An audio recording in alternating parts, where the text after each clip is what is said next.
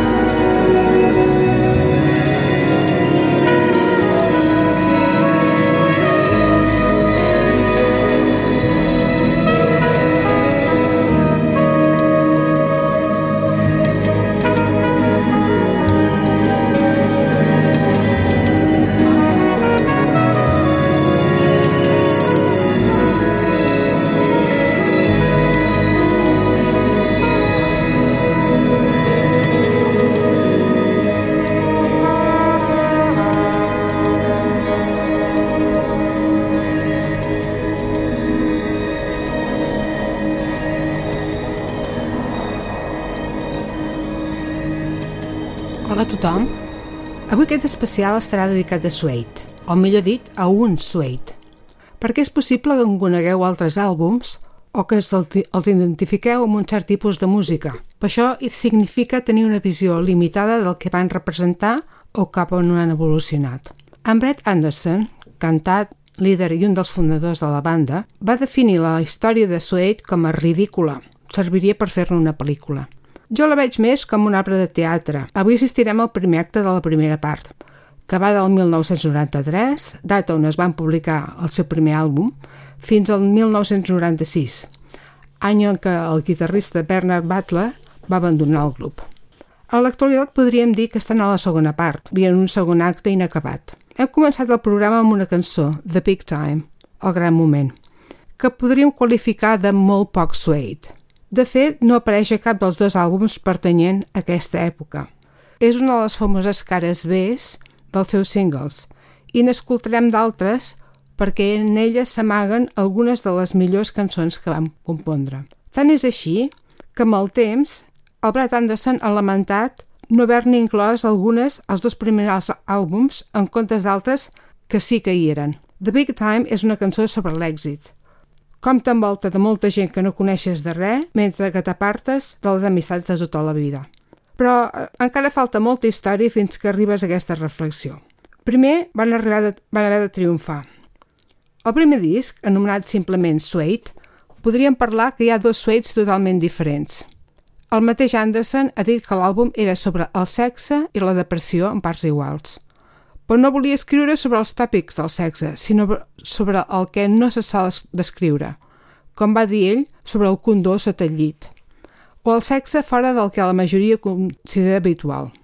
Escoltarem una mostra d'aquesta faceta més sexual, més comercial i provocadora, una de les seves cançons més conegudes, Animal Nitrate.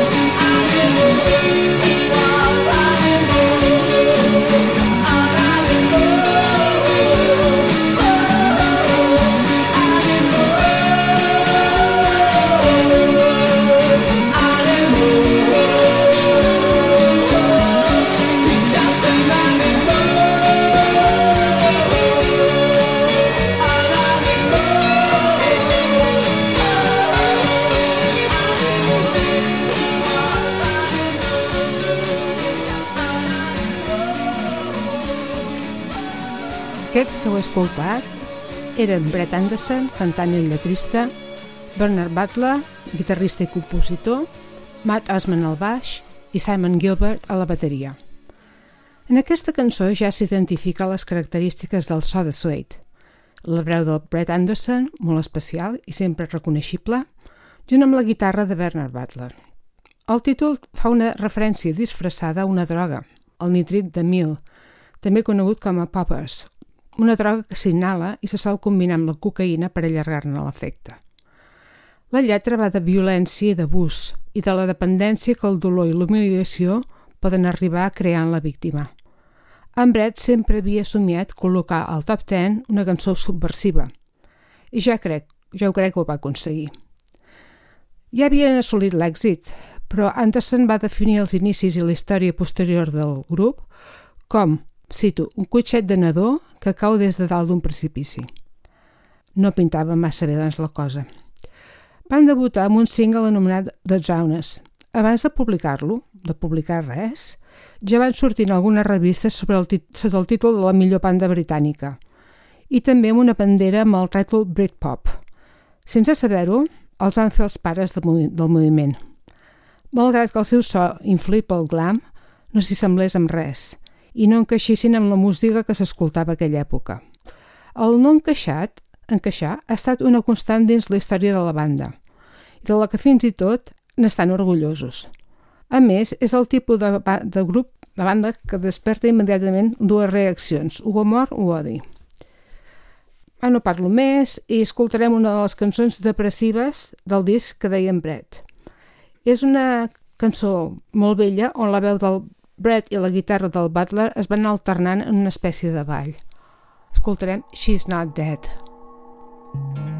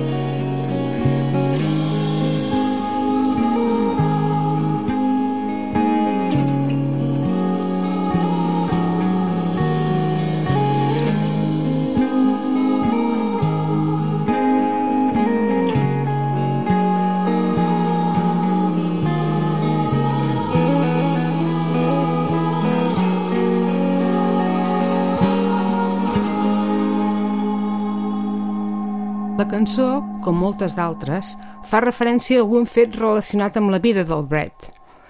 En aquest cas, amb el suïcidi d'una tieta seva, que juntament amb el seu amant es van tancar en un cotxe dins un garatge, deixant el tubs d'excavament obert. El més important per ell no és el fet, sinó per què va arribar a passar. La man era negra, aparentment una relació molt difícil encara en aquella societat. Estem parlant de fa 30 anys. Seguirem amb una altra cara B, una cançó que el Brett també va lamentar posteriorment no haver-la inclòs a l'àlbum, per, perquè era un dels hits més apreciats a les actuacions. Perquè si hi ha un grup, si hi ha una cosa que és certa, és que Suede sempre ha estat un grup per gaudir en directe contagiaven el públic amb una força, una energia que provenia en gran part d'en Brett, qui semblava ocupar tot l'escenari, bellugant-se sense parar, per acabar suat de dalt a baix. Escoltarem My Insatiable One.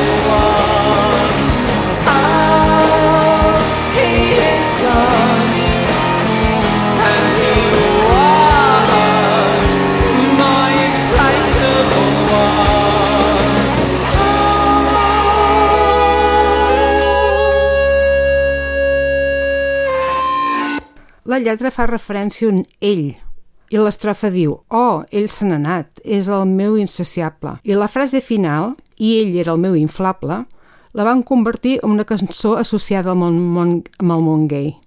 Sobre aquest aspecte, en Brett ha estat molt clar. No ens hem de refiar dels pronoms que fa servir a les cançons, perquè sovint escriu partint del punt de vista del guatre.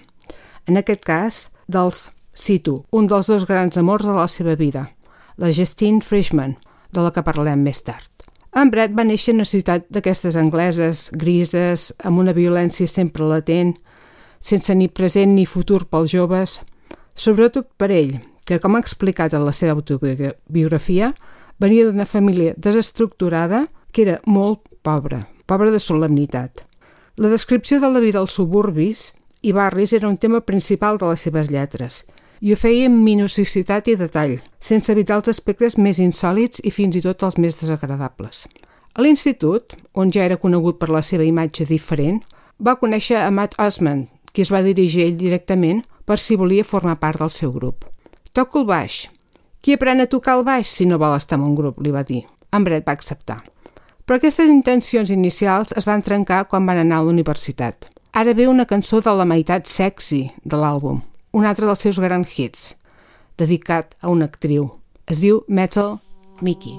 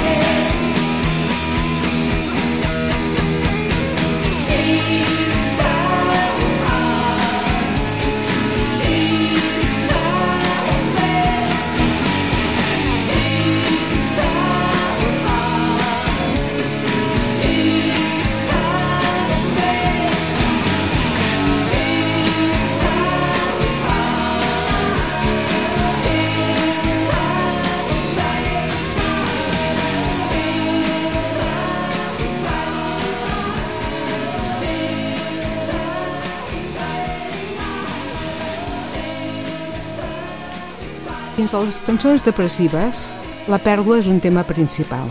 Primer la mort de la mare del Brett de càncer i després que la Justine l'abandonés per anar amb el Damon Albarn de The Blur. Així que per acabar amb aquest primer àlbum n'escoltarem una dedicada a la seva mare i de pas sentirem el Butler tocant el piano. La cançó es diu The Next Life.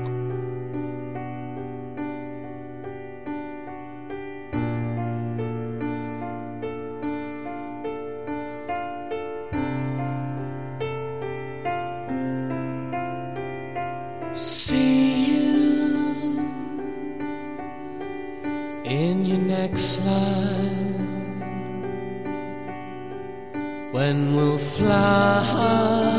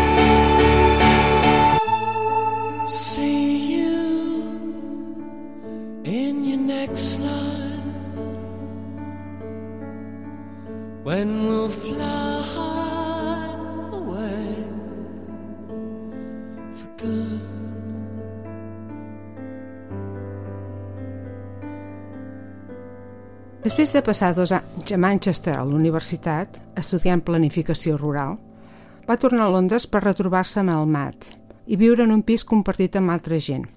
A la cua per fer la inscripció es va fixar en una noia, la Justine Freshman, i l'atracció va ser mútua. Es van convertir en inseparables i en Brett va anar a viure al pis que el pare de la Justine, un reconegut arquitecte, li havia regalat. El paper de la Justine a la història de Suede va ser fonamental. Es podria dir que sense ella el grup no hauria existit. Mentre el Matt i el Brett xerraven al sofà, ella era el seu mànager, de fet. I els insistia perquè paressin de parlar i passessin a l'acció. Tocava la guitarra rítmica, malgrat no saber-ne massa, i no estava interessada a estar en cap grup. Segons sembla, va ser ella la que va batejar el grup com a Suede, encara que hi ha altres versions.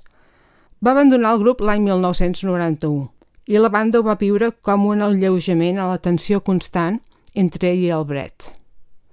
Que van passar un bon temps que ella estava amb tots dos, amb el Brett i amb el Damon.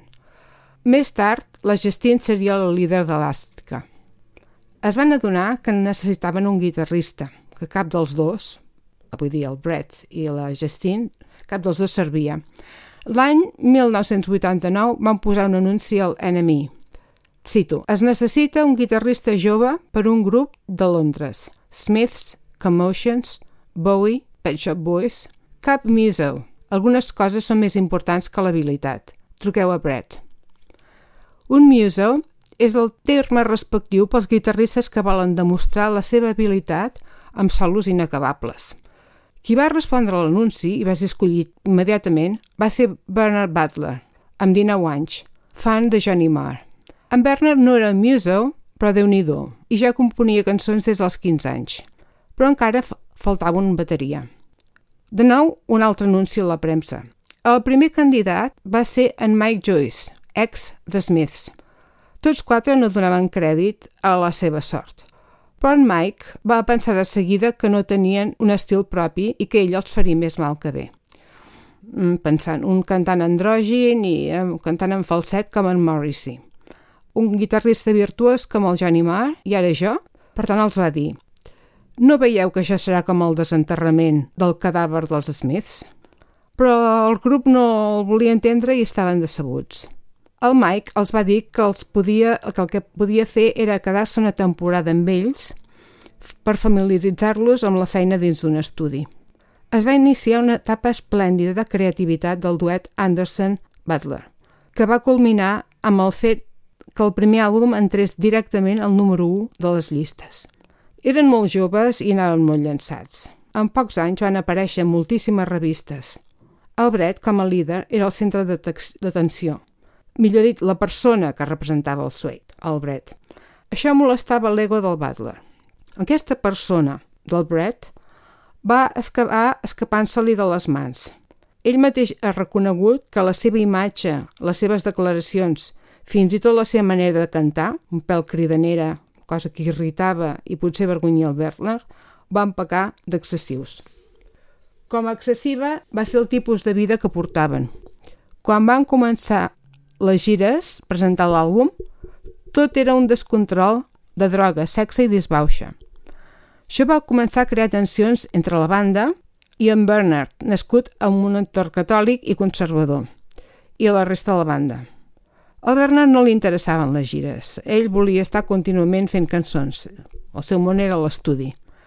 Durant la primera gira als Estats Units, aquests problemes van provocar que al final els dos bàndols, el Bernard i els altres, pràcticament no es parlessin. Però el punt de conflicte màxim es va, donar, es va donar durant la segona gira als Estats Units. El dia abans de marxar, en Bernard va saber que el seu pare s'havia mort de càncer. Van posposar l'inici de la gira, però no la van cancel·lar. En tornar-hi, un Bernard molt afectat no podia suportar que els altres membres de la banda continuessin amb la seva vida d'accessos. Quan al Brett se li va morir la mare, no en va parlar amb ningú. Va fer el que el cànon d'educació anglès diu si tens un problema, el passes tu sol. Potser per això no va entendre que en Bernard era diferent, o perquè eren molt joves i no tenien les eines emocionals per fer-ho. Acabades les gires, va arribar un moment de, per prendre decisions i, sobretot, publicar un altre àlbum. Escoltarem ara We Are the Pigs.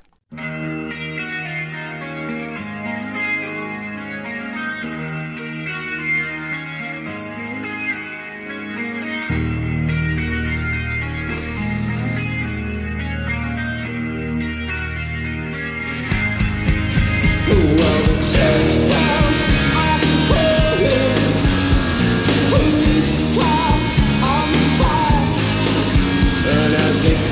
to the eye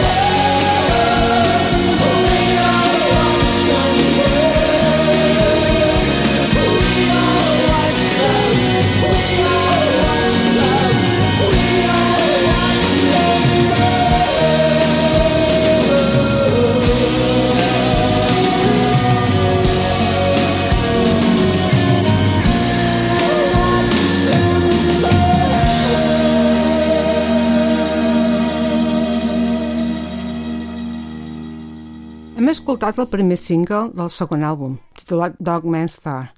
Haureu pogut notar un canvi evident, tant en la manera de cantar d'en Brett com en la música. El fet que va motivar aquest canvi va ser l'aparició dels grups estel·lars del Britpop. En Brett va quedar horroritzat per l'aparició de quan va escoltar els seus fillets. Eren tot el que ell rebutjava. El populisme dels nou Britpops li semblava superficial i per això va decidir fer un àlbum antipop, anti-Britpop. Es va tancar, es va recollir tot sol en una gran casa per compondre les noves cançons.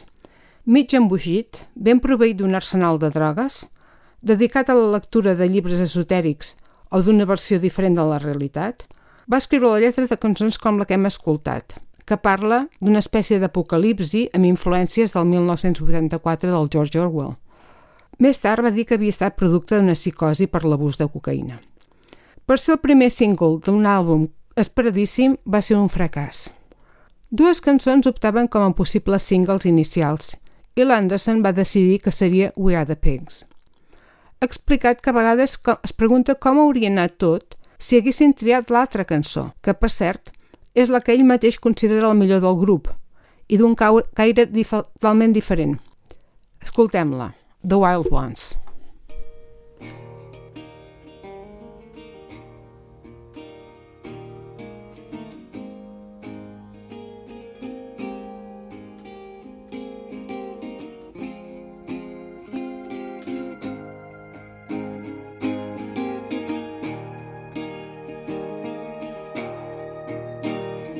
There's a song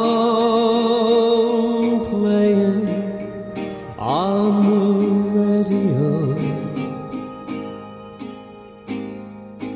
Sky high in the airwaves on the morning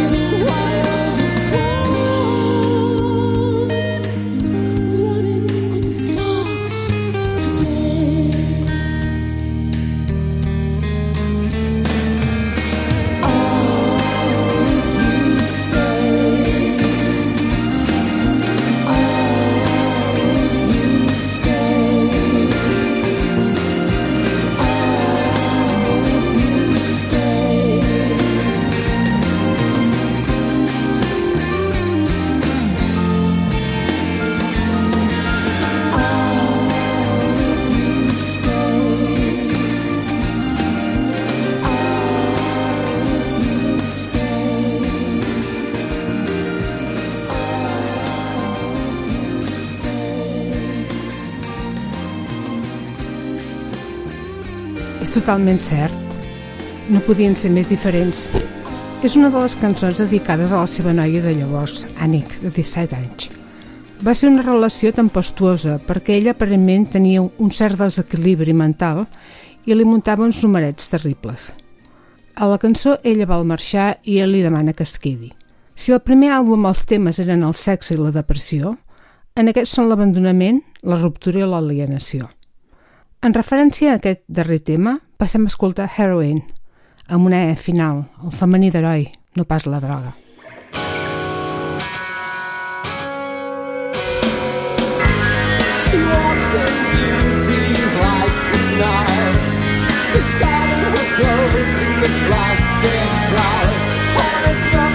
Tragic in black and white. Come to my for an hour.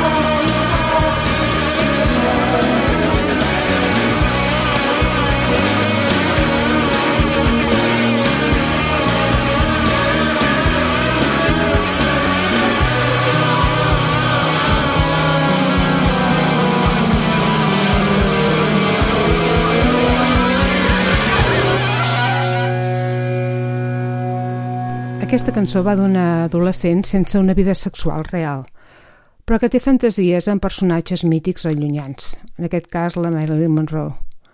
Està en una situació mental en la que ha perdut la raó, esdevenint aliè al, al seu món i ell mateix.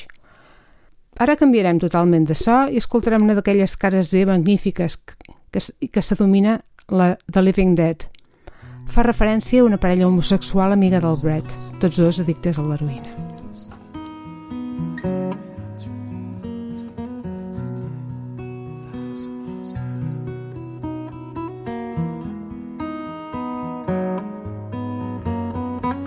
Where's all the money gone? I'm talking to you. All up the hole in your arm is a needle, a much better screw.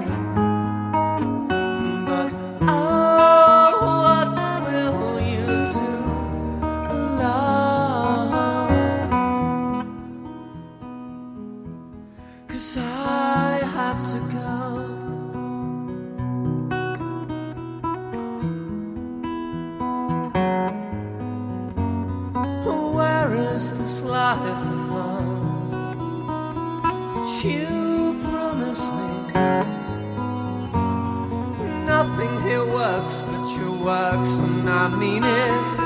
I have to leave, but oh, what will you do,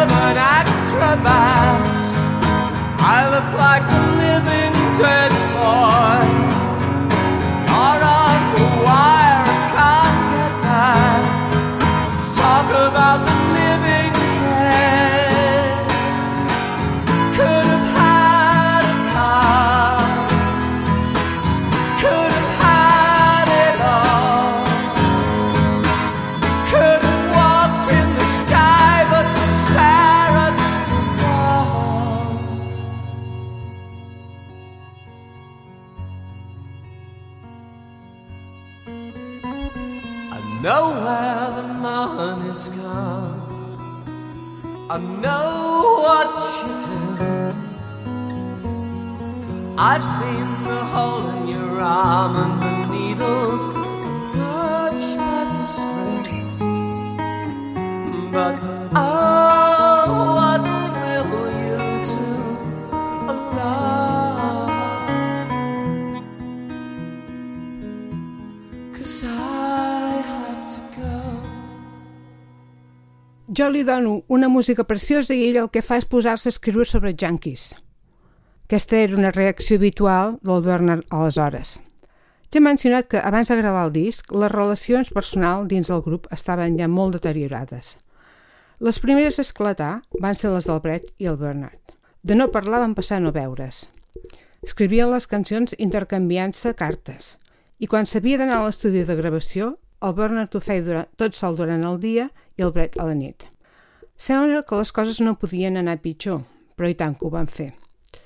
Pel que explico, sembla que el Bernard era el dolent de l'obra i el Brett l'heroi.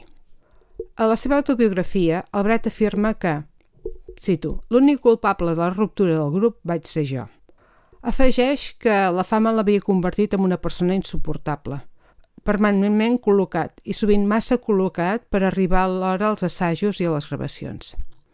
Escoltem ara una altra cara B, una cançó glam de les que arrasen en directe. El Brett ha declarat que es refereix a un episodi quan ell era jove i feia de DJ en un antro. Les instruccions eren simplement posar el que la gent volia. Una clientela no molt desitjable. Una nit es va negar i un cotxe es va posar a perseguir-lo. Es va haver d'amagar dins uns grans contenidors de prosta d'una escola. La cançó s'anomena Killing of a Flashboy. El Flashboy és en Brett, és clar, aquell que es fa notar, el que s'ho ha buscat.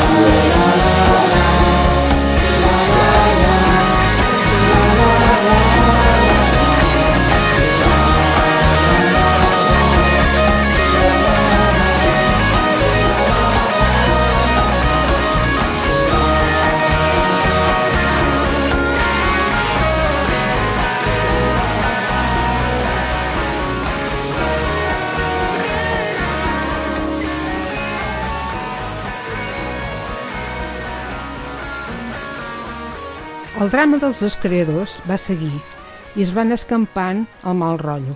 En Bernard ordenava als altres com volia que sonés la cançó i encara feia que ho empitjorés tot més. Però sobretot, amb el qui estava obsessionat era amb el productor, Led Buller, el que va començar amb ells. El Brett ha reconegut que ni ell ni els altres de la banda estaven satisfets de com la producció estava anant i encara menys en escoltar el disc ja acabat. Personalment crec que és cert, que el so peca d'estrident, però ell recolzava en Led perquè el consideraven gairebé com un altre més del grup i perquè no estaven d'acord amb com el Bernard el tractava. En Bernard no donava entrevistes a revistes a menys que no fossin musicals i especialment de, dedicades a la guitarra. Un dia va aparèixer en una mal parlant sobre el Brett i dient coses com que era un analfabet musical i que no l'aguantava. Després va disculpar, però el mal ja era definitiu. El Brett va llegir l'entrevista abans de gravar una cançó anomenada The Asphalt World. L'últim petard del Bernard va ser dir que volia ser ell el que produís el disc, que no volia més el Buller. O marxa ell o marxo jo. Uns dies després es va trobar l'estudi tancat i els seus instruments fora. La banda podia acceptar les seves crítiques, però no estaven disposats a accedir a un ultimàtum. I això ja s'acaba. Només cal dir que l'àlbum està ben acabat, que la cançó The Power es va gravar amb un guitarrista d'estudi i que la premsa musical escrivia que Suede eren un cadàver. Però si hi ha un terme que pot definir tota la carrera del grup és la resiliència. En Brett va decidir posar un altre anunci demanant un guitarrista que conegués la música del grup. I amb 16 anys apareix el Richard Oakes. En pocs mesos va eh, de prendre tot l'àlbum perquè la gira de promoció havia de començar. I a més, per cert, va debutar en, la, en el vídeo de We Are the Pigs. Va ser el seu debut oficial eh, a Suede. A partir d'aquí, l'obra passa al segon acte. Acabem doncs amb The Asphalt World. És una cançó molt trista, autobiogràfica, on el Brett expressa la seva impotència, la seva ràbia i la seva gelosia a l'haver de compartir l'amor de l'ànic amb una altra dona. Com ja he dit, la va gravar després de llegir l'entrevista del Bernard i el seu estat d'ànim va fer que la cantés, segons ell, amb una fredor gèlida.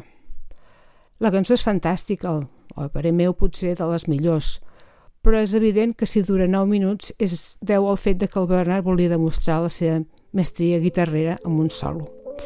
Potser al final sí que era un muso.